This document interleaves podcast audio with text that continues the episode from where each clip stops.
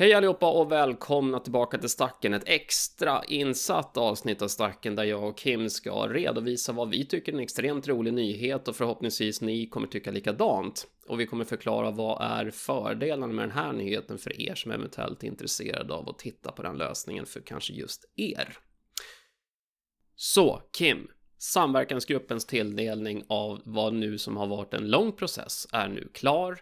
Eh, man började med att titta på det här med videotjänster och sen så för det kom ju faktiskt ett uttalande om att man ansåg att man kunde inte använda Teams och det var egentligen där hela diskussionen började. Så nu har resultatet kommit och budet ligger på nu att det finns ett par tjänster presenterade, bland annat City Networks Compliant Office kom med på den här listan, vilket vi naturligtvis är jätteglada för. Men överlag, vad handlar den här utredningen om? Vad kom den så av? Och ESAM och samverkansgruppen? Ja, till att börja med att säga woho, kul! Ja, ja verkligen seger. Sådär, heja. Och här måste jag ändå säga att jag tycker det är bra att svenska myndigheter börjar ta det här på allvar och faktiskt se över sin situation lite grann och börja fundera på vad är det för tjänster vi faktiskt behöver och kan vi använda alla tjänster som finns där per automatik? Mm. Nu vet jag ju förstås att väldigt många offentliga myndigheter är en väldigt Är väldigt polariserande inom offentlig myndighet. Väldigt. Hälften hatar dem och hälften tycker om dem. Så att det, Mm. ja. Hur som helst. ESAM är en samverkansorgan för att hjälpa svenska myndigheter digitaliseras. ESAMs folk består av de i särklass vassaste och duktigaste både informationssäkerhetsmänniskor och ja, cybersecurity-människor och jurister inom offentlig verksamhet som Sverige har. Mm. De som är jätte, jätteduktiga på framförallt vad säger juridiken om vad man får och inte får göra. Ska du lista de som vet det här allra, allra bäst i hela Sverige så är alla de med representerade i ESAM. Tata! Just det. Så det är våra absolut i särklass bästa människor vi har på vad täcks av OSL eller inte. Hör på den här då. När man sen då frågar vad säger verkligen experterna om OSL? Ja, det är de som sitter i ESAM. Finns det några bättre experter i världen än det? Nej, inte alls, därför att offentlighet och sekretesslagen är en svensk lag. Så det finns inga experter internationellt på den. Nej. Så ta något helt hypotetiskt företag som heter Muffins. Vi kallar dem för Muffins. Som gärna uttalar sig om att de minsann är expert på OSL. Det kan de inte vara. Nej. De är ett amerikanskt bolag. Det är en svensk lag. Mm. Mm. Så hur som helst. Ja, så har vi det sagt också om att just det är våra i särklass största experter på vad offentlig verksamhet får göra och inte göra. Mm. Här då har de då faktiskt gjort det, att det var ändå Skatteverket och Kronofogden som är båda medlemsorganisationer i ESAM. Så att det ska vi säga, i princip alla kommuner, regioner och myndigheter är ju med i ESAM och drar nytta av dem. Precis. Och det vore ju synd annars, det vore ju väldigt tråkigt annars. Ja, då var det så att då sa offentlig sektor, nu med corona framförallt, videokonferens måste vi ha. Och alla i praktiken använder eh, Teams. Och det är inte så konstigt. Teams och Zooms gick bara upp som tjoff under corona. Ja. Så att, eh, ja, lite... Jag önskar ju att jag köpt aktier i Zoom innan om man säger så. Lite sådär. Hade man vetat om Bara det här så hade man varit med ett tag där. Ja, absolut. Ja. Men eh, återigen, då startar de ett arbete som heter Digital samarbetsplattform för offentlig sektor. Där det var lite funktionella förfrågningar, bland annat videokonferens, dokumenthantering, fasta chattrum, kanbantavla och whiteboard. Så Mm. att det fanns liksom ändå den här grundläggande tjänster för samverkan. Notera nu att e-post är inte med här, så att ingenting med Office 365 utöver det som är delen Teams är egentligen med i den här delen då, för, för att vara tydlig, så att vi är liksom ändå... Ja, men då var, har de ja, ändå det, ja, det var där man började för tydligt. Det är det hela den här diskussionen handlat om. Videotjänst, det var där det började. Sen får vi se vad framtiden har att hålla.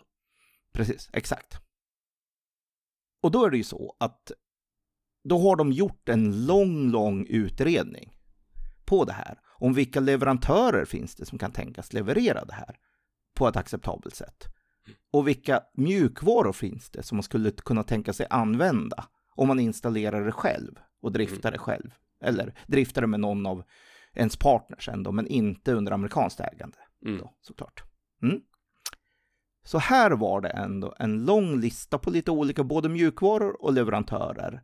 Eller lång lista, det blev väldigt kort lista i slutändan. Och vi var en av dem, tata! Hoho! men, Precis. Ja, Ja. men där är det. Så att den här ändå har varit ett långt arbete och ett gediget arbete. Mm. Med en lång motivering till ett, varför kan inte offentlig myndighet använda sig av Teams och vad finns det då för alternativ? Precis. Så att det är det, men den visar väldigt två väldigt bra saker i svensk offentlighet. Mm. Det finns alternativ där ute. Är de precis exakt som det vi är van vid från till exempel Muffins? Nej, det är det inte. Men det finns alternativ där ute. Mm. Som inte har det här stora frågetecknet och oket runt om sig. Så låt oss berätta lite mer då om vad är då den fundamentala skillnaden mellan en tjänst från en europeisk leverantör och en tjänst från en amerikansk ägd leverantör. Mm. Som med alla sådana här grejer så kommer du inte ifrån att allt sånt här, du måste ju kunna identifiera dig. Mm. Om du och jag ska koppla upp oss någonstans på ett vettigt sätt och prata video med varandra. Det behövs ju någon form fortfarande av konto till tjänsten. Så på något sätt måste ju jag publikt kunna redogöra, vem är jag? Även digitalt i kontohanteringen. Så att personuppgifter blir alltid en sån här grej som man från, oundvikligen inte kan komma ifrån. Mm. Sen finns det en massa sådana här grejer som att helt plötsligt så är det ju fråga om vad diskuteras här? Ska vi spela in saker? För det är Mm. en sak att vi sitter som, ja, till exempel video, konferens, sam- ett rent samtal fram och tillbaka. Ja. Nej, det är ganska låg sannolikhet att uttryckligen det samtalet i sig spelas in och att någon Mm. faktiskt lyssnar på det i efter. Ja. det är ett jätteintensiv insats att göra så. Så ren radiobuggning, det vill säga avlyssning av någon. Det är en jätteintensiv grej. Det är det. Kräver massor med resurser, personal. Men vi lämnar ju ett digitalt footprint som är jobbigt i den digitala världen med att vi lämnar ju saker som finns hårt lagrad. Mm. textmeddelanden, chattmeddelanden, e-postmeddelanden, kalenderbokningar, dokument. Vi lämnar massor digitalt. Som det finns. Och här helt plötsligt så finns det ju en ganska stor chans då. Att man lägger någonting som kanske är jä- känsligt som inte borde ligga i en sån tjänst. Mm. Så man i en verksamhet som har både känsligt material och icke-känsligt material så finns det ju en ganska stor risk att de användare inte är väldigt, väldigt säkra på exakt vilken tjänst man ska göra till vad. Ja. Så finns det ju en stor risk att man råkar spara saker fel. Just det. Jag vet inte vad du säger, men någon här som någonsin har skickat ett e-postmeddelande där du har lagt med fel medlem någon gång. Ja, verkligen. Jag menar, det, det. Alla har vi någon gång skickat till fel adressat eller stoppat med för många personer eller fel adressater i ett mejl, i ett massmejl. Eller kanske länkat en fil som inte skulle ha länkat och så har den gått iväg i alla fall. Mm. Mänskliga fel, sådär va? Någon här som har någonsin lagrat en fil i fel katalog någon gång. Mm. Man Precis. tänkte lagra det i en och så, ja, hämtar man den från en katalog och så sparar man den, så råkar man spara den på fel ställe. Mm. Och helt lätt- plötsligt så- Superlätt gjort. Hade folk, fel folk, access till den, Mm. hastigt. Mm. Jag kan säga att jag jobbar uttryckligen med informationssäkerhet. Men jag gör också de här felen då och då. Mhm. Det, det händer. Risken att göra fel är väldigt stor i slutanvändarna här. Så att, att bara falla tillbaka på att våra användare kommer aldrig att göra någonting känsligt i de här tjänsterna. Mm. Speciellt en tjänst, i synnerhet en tjänst som e-post. kommer att vara jättesvår. Och då menar jag att även e-posten, även en gruppchatt, team collaboration, kommer att vara hysteriskt svår att få rätt. Därför att när du sitter och pratar ett till ett med en chatttext med andra, Mm. det är väldigt lätt att det kommer med saker där. Som du kanske, in, som kanske har en känslighet som inte skulle vara. Mm. Mm. Absolut. Och den här är ju då så att säga, och då var ju den stora fundamentala frågan. Varför startade vi ens en gång hela den här compliant-resan hos oss med ett compliant cloud och framförallt sen compliant office? Vad egentligen är, är triggern och drivern till det här? Och många säger det är GDPR, men det var inte bara GDPR. Nej. Men det fanns många orsaker. Här ska vi vara väldigt noga med att GDPR är en, men bara en europeisk lag Mm. som är ett problem. Men det är inte GDPR i sig som är problemet. Många säger dumma GDPR, dumma Schrems. Mm.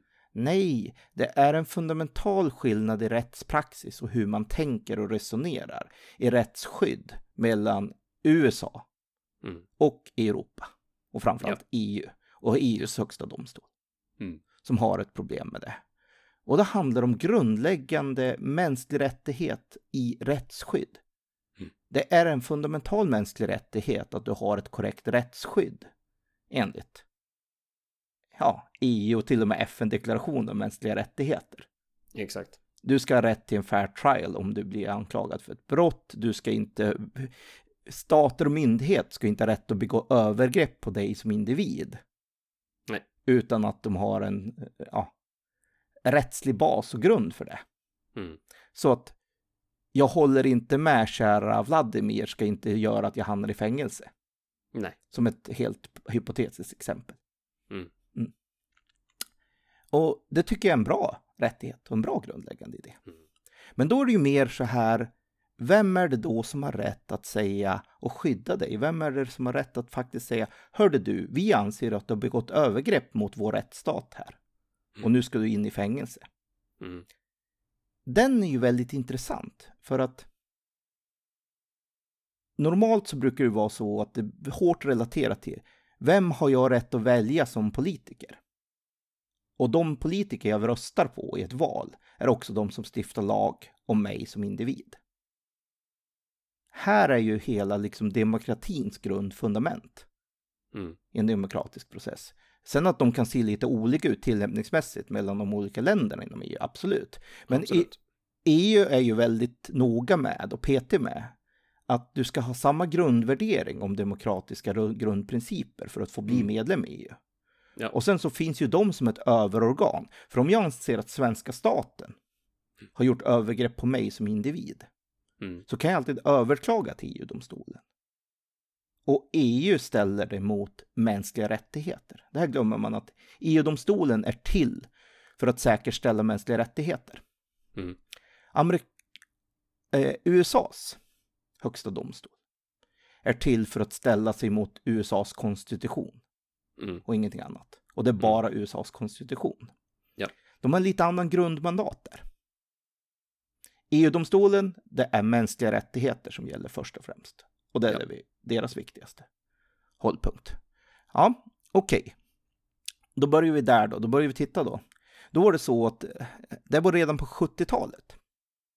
USA instiftade det som heter Foreign Intelligence Surveillance Act. FISA. FISA. Mm. FISA är problemet. Och då menar jag att det inte bara problemet i GDPR, det fick väldigt stor uppmärksamhet. För Ja. det var det EU-domstolen vänder sig mot. Mm. Men det handlar inte bara om GDPR. Det handlar om all data, det handlar om all databehandling. Mm. Offentlighet och sekretesslagen faller in under FISA också. Ja. Väldigt hårt. Här gjorde ESAM till exempel tidigt ett utlåtande. Och vad är ESAM, bara för tydlig? Det är det offentliga Sveriges, alltså kommuner, regioner och myndigheters. Samverkansgrupp, juridiska samverkansgrupp för just, Just digitalisering. Så att Mm. det är de bästa experterna på just till exempel offentlighet och sekretesslag vi har i Sverige. Så att säga, som Mm. gjorde det. Och det här är ändå en grej att här är det jätteviktigt att förstå. Vad är då FISA och varför är det ett sådant problem med europeisk författning? Mm. FISA är uppbyggt på att de har hemliga rättsprocesser. Just det. Det finns en hemlig rättsinstans, det, det som heter Foreign Intelligence Surveillance Court. Mm. Alltså det finns en rättsinstans i USA, satt av USA, som är helt bemannad personal från USA. Mm. Där du har så kallad ex party eh, hearing, det vill säga den, den som är åtalad eller den som står anklagad för någonting är inte med. Nej. Det är bara åklagarsidan som pratar med domaren. Mm. Och då är det så att domaren här, utsedd av USA då, tillsatt av USA, anser att FISA-kortens egna interna säkerhetsprocesser är tillräcklig representation för alla världens medborgare. Just. Så du som individ är skyddad av FISA-kortens interna sekretess Mm. och interna dom. Därför är dina intressen tillvaratagna i enlighet med amerikansk rättspraxis. Och därför anser de sig ha rätt att kräva ut information, kräva ut känslig data, göra övergrepp mot individers rättighet globalt. Mm. Därför att de anser att du har fått en fair trial. Mm. För FISA-korten har utsett ett ombud för att tillvarata dina intressen. Problemet med det här är ju såklart att det finns ingen annan medborgare än USAs medborgare som har någon konstitutionell rätt att få, ens ha en möjlighet att påverka vem som blir domare i de här Nej. situationerna. Och eftersom det är hemligstämplat så är det inte så att du kan få se några track records. Det är inte så att en EU-domstol kan ha rätt att överklaga det här. Nej. Utan det här är helt satt i enlighet med amerikansk konstitution. Men alla vi andra medborgare kanske inte tycker att vi har valt någonting i amerikansk konstitution. Kanske inte skriver under på deklarationen av amerikansk konstitution. Nej. Men det tar inte här hänsyn till. Och här blir rättspraxisproblemet. För att USA anser att på fullaste allvar, och det här är de väldigt noga med. Vi tillvaratar ju människornas rättighet. Mm. Så jag förstår, vi förstår inte alls varför EU gnäller och varför de har en motstånd mot det. här. Nej. När Europadomstolen anser att vi är de enda som ska tillvarata de yttersta rättigheterna för europeiska medborgare. Mm. Vi är de som har final say för europeiska medborgare, för de har valt oss till. Så, ja. Exakt. Och här kan ju diskuteras och jag kan ju på sätt och vis hålla med om att vet du vad? Det, det är lite intressant hur ett land kan säga att vi har en global rättspraxis som vi Mm. anser gäller världen över. Mm. Mm, Som inte övriga världen kan påverka. nej, Det är ju där det står. precis. Hade vi fått vara med och rösta till amerikanska presidentvalet eller amerikanska delstatsvalen eller Mm. vad det nu är för någonting, då hade det varit en helt annan Hade man Då hade kunnat- vi kunnat påverka det. Hade vi kunnat diskutera det här. Mm. Men den bryter mot vissa grundläggande, eh, grundläggande så att säga, rättsstandarder och det är det här EU har problem med. Ja. Och då är det ju så att när man pratar med till exempel typ ett bolag, hypotetiskt bolag som heter Muffins, Mm. om just det här med att de står under amerikansk rättspraxis, så vill de gärna prata om Cloud Act Just och utlämnande baserat på law enforcement. ja. Och det är bara en mikroskopisk liten del av hela problembilden. Mm. För att vara tydlig, Cloud Act, ja, det är samma problembild där. Federala myndigheter, FBI då, anser att de har jurisdiction att begära data av information om individer som inte är amerikaner, som är sparade på servrar som står utanför USA. Ägda av amerikanska bolag. Eller rättare sagt, de, har, de anser ha jurisdiction av överallt. Men de vet att det, det är ganska lönlöst att be ett Det är ryskt väldigt bolag. lönlöst att ge sig på någonting annat. Ja. Så att amerikanska bolagen är de de har störst chans Äh, på. man exakt. säger Så. Så att det- om man säger så då. Ja. Om jag kommer och säger jag har en warrant här till ett ryskt bolag. Mm. Så kommer ja. ryskan och säga "Äh, jaha, det har du, vad, vad intressant då. Ja. Och vad, vad tycker du vi ska göra åt det? Det är ju inte Mm. förrän en rysk polis och rysk myndighet då kommer Mm. och säger vi har en husrannsakansorder här. Mm. Följ den, ja då har de inget val. Eh, så att där måste de ju då ta hjälp av andra lagstiftande myndigheter.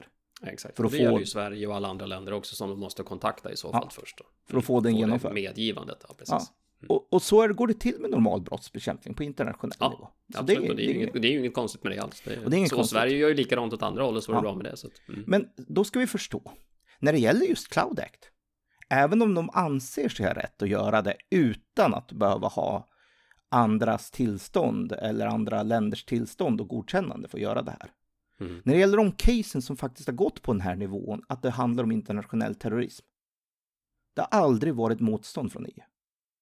Vi har alltid väldigt väl och fungerande samarbetade med att skicka information och delge information. Ett typiskt exempel var till exempel när terrorister attackerade Charlie Hebdo i Frankrike. Just det, i Frankrike. Ja. Mm. Det delades med en gång. Det var ju aldrig någon diskussion, det var aldrig någon issue. Det var liksom färdigt, alltså underrättelsetjänsten, men det gick hela tiden rätt väg. Fransk Mm. underrättelsetjänst pratar med amerikansk underrättelsetjänst, amerikansk underrättelsetjänst säger det här är informationen vi har. Mm. De andra länderna sa vad bra, det är klart vi ska dela med oss och hjälpa till. Mm. Det var aldrig ett issue. Nej. Alla lä- länders Nej, rättsinstanser där, där var... är vi ju väldigt överens om att när, när, i sådana fall så är vi, där är vi väldigt goda vänner och jobbar ihop och har väldigt bra processer som alla följer. Så att, och vi, där har vi ju samma ändamål också för att vara tydlig. Men det var inte det som FISA skapades för. Måste Nej. vi vara noga med. FISA skapades framför allt för två saker. Dels var det rättsinstanserna. Dels är det Mm. federala myndigheterna, alltså FBI. Men det är Mm. bara en jätteliten del av FISA. Mm. De största orderna kommer från underrättelsetjänsten. Just. Underrättelsetjänsten har ju såklart en uppgift att skydda landet. Det är en Mm. uppgift. Ja, absolut. Men underrättelsens främsta tjänst är att främja amerikanska intressen i andra länder. Mm. Till exempel affärer om ubåtar. Ja, Till exempel försäljning av JAS-plan där vi är en direkt konkurrent i Sverige exakt. mot. Och det här handlar om underrättelseinhämtning. Det handlar alltså inte om en enstaka brottsbekämpande grej. Det handlar inte om en individ, det handlar inte om ett konto. Det här handlar om systematisk spionage. Mm. Så det FISA vill ha är nycklar. Mm. Det FISA vill ha är bakdörrar och accesser till system för att analysera inte en data utan hela datan. Mm. Säg att det kanske i slutändan är en terrorist i hela databasen du jagar. Mm. Men om du har en databas på en miljon individer, alla andra 999 999 då, som Mm. åker med på tåget där.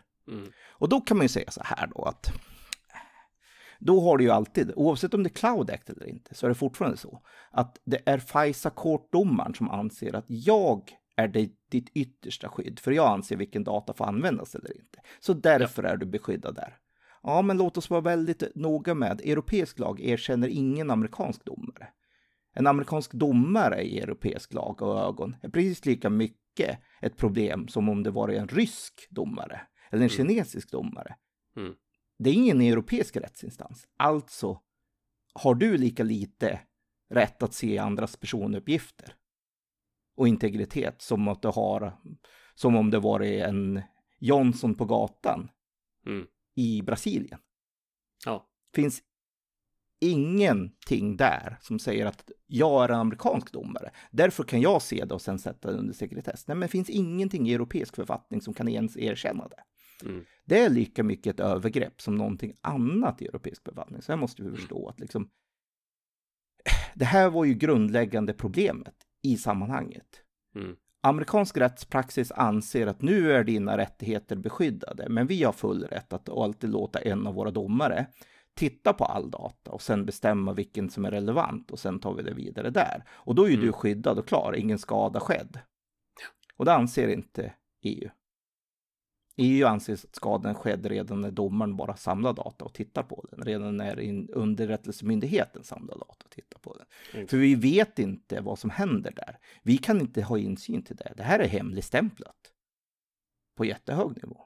Vi vet inte vilken data de samlar, vi vet inte när de gör det. Muffins är duktiga på att redogöra hur många det har varit Mm. på senaste tiden. Men de, även de är satt under enorm hemligstämplande. Och de får absolut inte redogöra alla case. Och, De vet nog inte om alla heller för att tydligen börjar den änden. och det är nästa fråga. Är de pågående? Är de avslutade? Mm. Vad exakt för data har de faktiskt samlat? Och det kan man tycka, det tycker EU-domstolen inte är en helt orimlig request att få kunna granska och titta på. Mm. För om de säger, om de nu menar då att, ja men om ni nu säger att våra intressen är tillvaratagna, bevisa det då, ge oss en transparens. Nej, Mm. det går inte, för den är hemligstämplad i amerikansk rättspraxis. Ja. Så om du inte har security clearance i USA får du inte göra det. Nej. Nej, och då kan man ju tänka sig att förstå att EUs praxis är väldigt mycket, ja, ja, men vet du vad, vi erkänner inte er. Och då svarar USA med samma mynt, vi kommer inte erkänna er. Och här står vi nu i en rundgång. Här står vi nu. Det vi inte har. Så. Och efter hela det långa utlägget, hur hänger det här ihop med en e-posttjänst? Vad Ja. står vi då? Vad, vad, är, vad är scenariot här nu? När, Så- när, reds, när reds det här ut då? Nej, det det, finns ingen större förhoppning att det kommer redas ut på närhet. Bara för att för, förstå. GDPR är bara början, men det finns så många andra lagar som har problem med det här också. Och då menar jag att det inte bara är en EU-lag, vår egen offentlighet och sekretesslag Ja. har jätteproblem med det här. Så du får inte ens exponera information som står under sekretess för den här risken som myndighet. Nej. Det är bara för att förstå, det, det, det är liksom en nolltolerans där, att ens exponera den för den här risken. Det är liksom, även om den är osannolik kan man tycka, Mm. så är det så. Men på ren underrättelseinhämtning så vill jag ens ifrågasätta det här med sannolikheter. Mm. Sannolikheter att du som enskild individ skulle komma till, få reda på att det hänt, den är jätteosannolik. Ja. Men att det händer, att det pågår. Mm. Ja, det är ju det. Och då är det ju fundamentalt att förstå här att om NSA verkligen vill hacka sig in hos någon, då är det få, få makter i världen som kan stå emot att de aktivt hackar sig in. Men då är det ju ett övergrepp som är brottsligt. Mm. Det här är fullt lagligt i USA. Det här är ändå att vi ger dem laglig rätt att göra det. Det är det som är den fundamentala skillnaden. Och då är det ju som sagt att det finns ingenting i ett avtal som kan skydda mot amerikansk lag. Det finns ingenting som kan skydda mot amerikanskt ägande kräver access till kunders information i deras system. Mm. Så att så fort du släpper in någonting som står under amerikanskt ägande så Mm. står de också under en risk för ett FISA-utlämnande. Det måste man förstå. Och det är en risk man måste vara villig att ta då. Det är en risk man Mm. måste vara medveten om. Här är ju det stora, fundamentalt största problemet. Och det spelar ingen roll om det är en svensk återförsäljare som återförsäljer Office 365. Du måste fortfarande ha med muffins som amerikanskt väsen i Mm. den leveransen som det ser ut idag. Mm. Och här är ju det då att det var ju därför vi sa, men vet du vad? Kan vi erbjuda en likvärdig grej? För att notera, ingen annat än Muffins kan erbjuda Muffins egna produkter. Och då måste vi vara överens om Muffins produkter är fantastiskt bra. Mm. De är bäst i världen, tveklöst. Mm. Det går inte att säga någonting annat. Kan vi erbjuda produkter som är helt okej och fungerar på samma sätt och fyller samma behov? Ja, det kan vi. De kommer inte vara lika fina som Muffins produkter, för Muffins produkter har lagt jättemycket tid på att göra dem suveränt fina. Kan jag säga här och nu. Men de kommer att vara fullt funktionsdugliga och fullt good enough. Med den fundamentala skillnaden att europeiskt ägt bolag som står helt under europeisk kontroll och enbart jobbar med europeisk personal som har tillgång till systemet står under en helt annan rättsförfattning. För i Europa finns det ingen FISA. I Europa är det tvärtom totalt olagligt att lyssna på en hemlig rättsprocess som ger dig underrättelseinhämtning. Eh, nej, det har EU-domstolen gått in och sagt väldigt hårt nej till. Det, det får inte ske i hemlighet. Har du en underrättelseinhämtningsgrej baserat på nationell säkerhet? För det första, ja, du måste dela den med andra. För det andra, du måste ha en separat rättsprocess som är EU-baserad rättsprocess. Mm. Där du som individ får din day in court baserat på EUs rättsstandard. Mm. Ja. Så att där är det väldigt viktigt och där finns det inte en sån här underrättelseinhämtning bara för att bevaka dina nationella affärsintressen utomlands. Mm. Den finns inte i en laglig sträckning som gör att du kan liksom börja få det här. Så att här måste vi förstå att det är väldigt, väldigt många sekretesslagar, inte bara GDPR, som Nej. kommer att ha ett problem med ett FISA-utlämnande.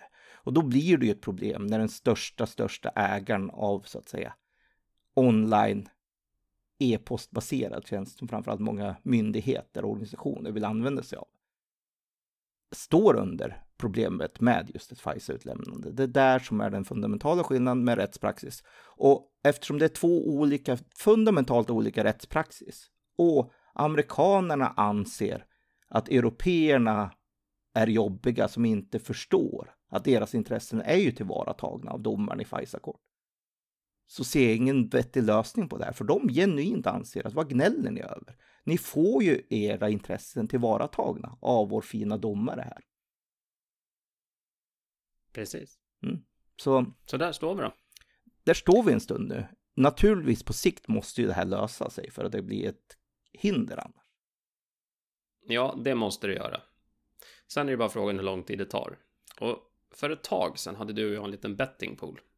Vi satt och, satt och funderade på när det här... Kommer du ihåg det? När vi satt och funderade på det där? Hur långt det skulle kunna ta innan vi har ett, ett nytt styrverk på plats mellan EU och USA som gör att de här tjänsterna går att använda på ett vettigt sätt igen utan att man har massa problem. Mm. Då tror jag jag sa lite optimistiskt ett och ett halvt till två år och du trodde i alla fall tre till fem år. Mm. Men jag ska nog säga att jag, jag är beredd att skjuta på den och i, lägga mina pengar på en ny. Och det är Mm. någonstans mellan sju till tio år. Ja. Tror jag. Och det är optimistiskt. Och precis, och det är det jag skulle säga, jag tror också det är optimistiskt. Mm. För att situationen här är så enormt låst i just det Mm. för nu. Att USA förstår inte ens vad EU har problem med. För i deras värld så anser de ju att folks rättigheter är ju tillvarataget. Exakt. För deras rättsprocess är ju bäst i världen och gäller överallt och alla ska vara glada att den finns. Mm. Ja, eller ja, så tyckte Så. inte EU. Och så. Nej, Där står och där, har vi, och där har vi ju då den, den låsningen som finns av att antingen så måste USA ändra sitt regelverk och lagverk och det ska, det ska jag inte låta vara osagt att de inte kommer göra men som sagt den här den, den lag, FISA-lag vi pratar om, den, den tillträdde på 70-talet. Eh, så ska de förändra den så tror jag att den processen är ganska så lång. Eller så måste EU lägga sig platt och säga nej men vet du vad, vi, eh, vi, vi, vi ångrar oss, vi ändrar oss. Och egentligen då så är ju EU som väsen över. Mm. Om de skulle lägga sig platt nu och säga att nej men vi låter USA eller någon annan kontinent styra och ställa över europeiska medborgares e-identitet. Och där står vi. Ja, för att det är återigen det här. EU-domstolen har nu två gånger sagt att de anser att FISA-lagarna inte är förenligt med mänskliga rättigheter. Ja, för ni kommer väl ihåg det? Safe Harbor var först. Och Mm. sen kom Privacy Shield som ett litet halvt plåster på såren. Och sen insåg alla nog som tittar på det så att det där kommer inte hålla. För det där är bara en omskrivning av gamla, gamla Safe Harbor. Och nu har ju EU också för att vara tydlig, de har ju sagt uttryckligen vi är inte beredda att göra en tredje försök på samma skrivning utan nu, nu måste det komma till ett nytt, en ny förutsättning där bägge parter är överens. Så någon måste ge vika på sin praxis. Ja. Och det tror jag, det tror jag tar mycket längre tid än vad man kan hoppas på. ja, det är där jag tror vi har, det är där jag tror vi har en liten utmaning om jag säger så. Så. Eh, så att jag, och här är det ju då att emellanåt, då skapar vi ändå ett alternativ. Inte samma sak, för att vara jättetydlig, absolut inte ett till ett Nej, mot vad Muffins erbjuder, för det är proprietär programvara som är utvecklad väldigt bra av Muffins. Så ur ett funktionshänseende, ur ett säkerhetshänseende, ur ett användarhänseende finns det inget att klaga på med Muffins grejer. Det är jättebra program. Jättebra produkter. Ur ett integritetshänseende, ur rent laghanteringshänseende, vilken rättspraxis man sedan exponerar för det med information som finns där i. Ja, har du inte personuppgifter, go ahead, kör på. Då är det ju inga konstigheter. Börjar du lägga in känslig data, framförallt börjar du lägga in data som står under sekretess enligt svensk lag. Nu börjar problemen hopa sig här med en gång. Och då ska vi säga att det här är ju bara början på saker och ting. Jag tycker det är väl lite kul. Eh, jag var på en föreläsning där generaldirektören för IMY, generaldirektören för DIGG och generaldirektören för Vinnova, alla tre starka fina kvinnor i Sverige. Som är bra, men alla tre var rörande överens då om att GDPR är bara lilla början. GDPR var en liten sak. Det kommer många andra EU-direktiv nu som kommer att röra om mycket, mycket hårdare i det digitala än GDPR. Cyber Security Act har klubbats i Europa och den kommer att ha mycket större inverkan. Här har vi, vi, har bara sett börj- vi har bara sett början på det här kan jag säga. mm. Och den har också enorma problem med ett FISA-hantering. Den tycker Mm. inte alls om den kan jag säga. Nej. Här har vi liksom, här har vi grundgrejer som alltid kommer att vara. Och för att vi skulle eliminera hela den risken så byggde vi en motsvarande tjänst. Men helt driven av europeer i Europa, av europeiskt ägda bolag. Ja. Och vi har det som lag, så vi har inget val. Vi måste Nej. följa den. Om vi skulle ens försöka bryta mot lagen. Kommer europeisk polis av olika instanser och knacka oss på axeln och säga hörde ni? Mm. Så att det är en helt skild rättspraxis och en helt skild. Och där har inte offentliga myndigheter ett problem med att rätt rättsinstans faktiskt säger, hörde ni, nu behöver vi göra saker här. Därför att vet du vad, står det lag under sekretesskydd så har det med automatiken inbyggd grej i hur rättsväsendet i respektive land ska hantera det. Det finns med. Det har de tränat på. Så med det då, varmt välkomna att ta en titt på Compliant Office och se om, ni, om det är någonting som ni skulle kunna tänka er och fortsätta framöver. I vart fall ett alternativ, ett heleuropeiskt alternativ som ni som svensk kommun, svenskt företag, svensk myndighet kan använda.